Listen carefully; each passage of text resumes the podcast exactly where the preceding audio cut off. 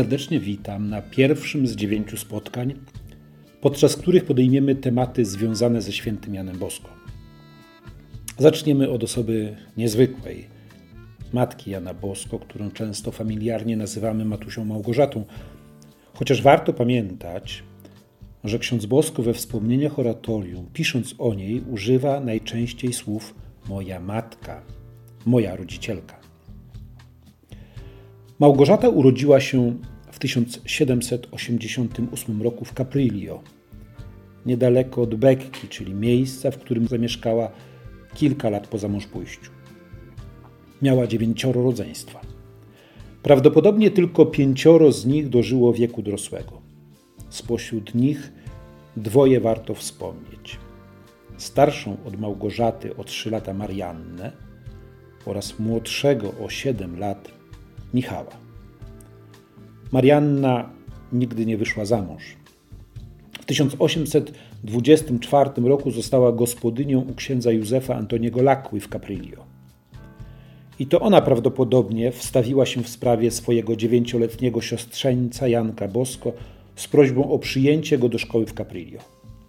Zgodnie z zasadą ówczesnej rejonizacji, Janek do szkoły elementarnej powinien był uczęszczać do odległego o 5 km Castelnuovo. Do szkoły w Caprillo droga była jednak o połowę krótsza.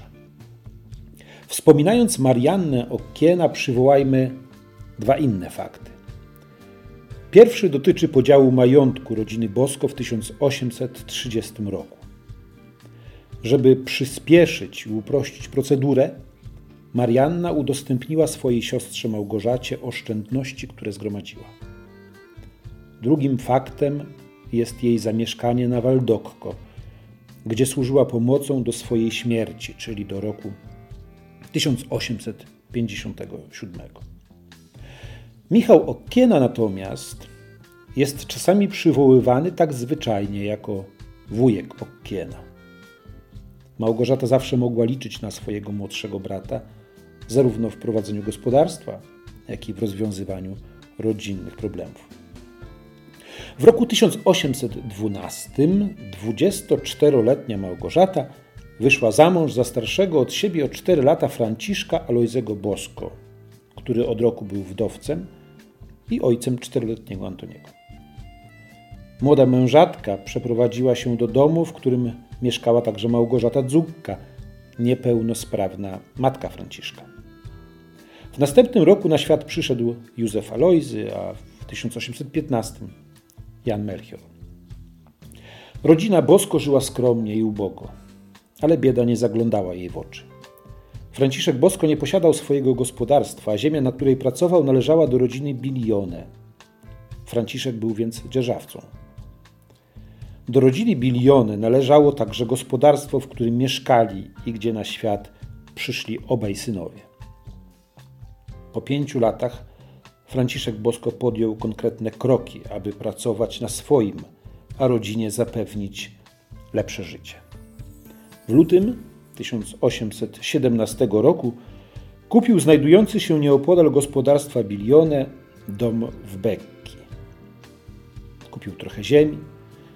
Było to dziewięć małych kawałków, łącznie około hektara, oraz nabył zwierzęta. Trzy miesiące później doszło do ogromnego dramatu. Franciszek w czasie pracy w zimnej piwnicy nabawił się zapalenia płuc i zmarł. Sytuacja stała się tragiczna. Rodzina Bosko nie zdążyła się jeszcze przenieść z Bilione do domów Bekki. Za chwilę miał się rozpocząć jakże ważny na wsi czas zbiorów. Franciszek zostawił po sobie także trochę długu, który zaciągnął, aby móc się usamodzielnić, oraz niezapłacony dom Bekki. To wszystko musiała wziąć na swoje barki jego żona, Małgorzata. Ponadto od roku w Piemoncie panował wielki głód, a 29-letnia wdowa miała na utrzymaniu 9-letniego pasierba Antoniego, swoich dwóch synów, 4-letniego Józefa i 2-letniego Janka oraz 65-letnią niepełnosprawną teściową. Małgorzata w sposób naprawdę heroiczny i mądry przeprowadziła swoją rodzinę przez wiele trudności oraz zawirowań. Przede wszystkim w listopadzie 1817 roku, pół roku po śmierci męża, przeniosła się z rodziną do własnego domu w Bekki. Bardzo ciężko pracowała. Nieocenioną pomoc niósł jej wówczas wspomniany brat Michał. W pracę powoli włączany był Antoni, natomiast teściowa opiekowała się Józefem i Janem. Ówczesną sytuację chyba najlepiej przedstawia we wspomnieniach oratorium ksiądz Bosko, przywołując fakt zabicia cielęcia, które było konkretnym zabezpieczeniem rodziny. Jednak w sytuacji głodu i niemożliwości kupienia za pieniądze żadnej żywności, Małgorzata miała powiedzieć, że ekstremalne sytuacje wymagają ekstremalnych decyzji. Małgorzata scalała rodzinę duchowo. Była kobietą głębokiej wiary i mistrzynią życia duchowego.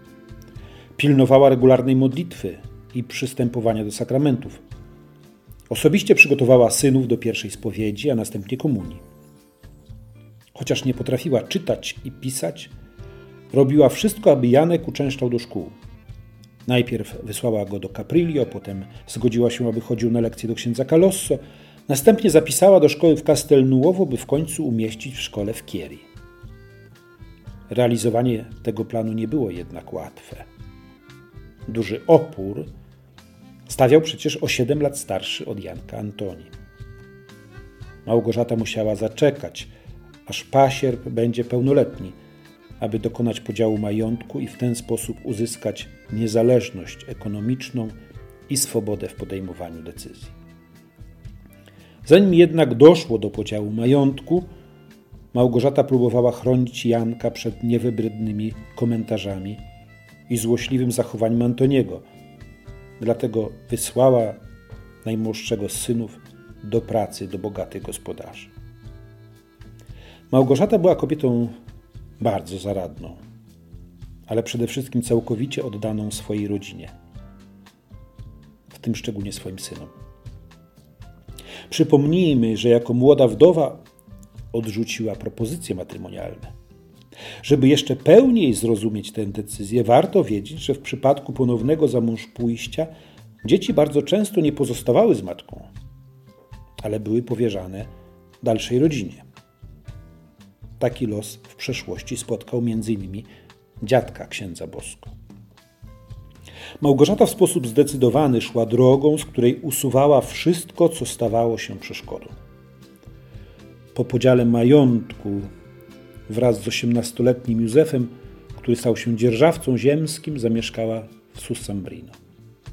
W Becchi pozostał Antoni, który po ślubie w sposób nieznaczny powiększył dom.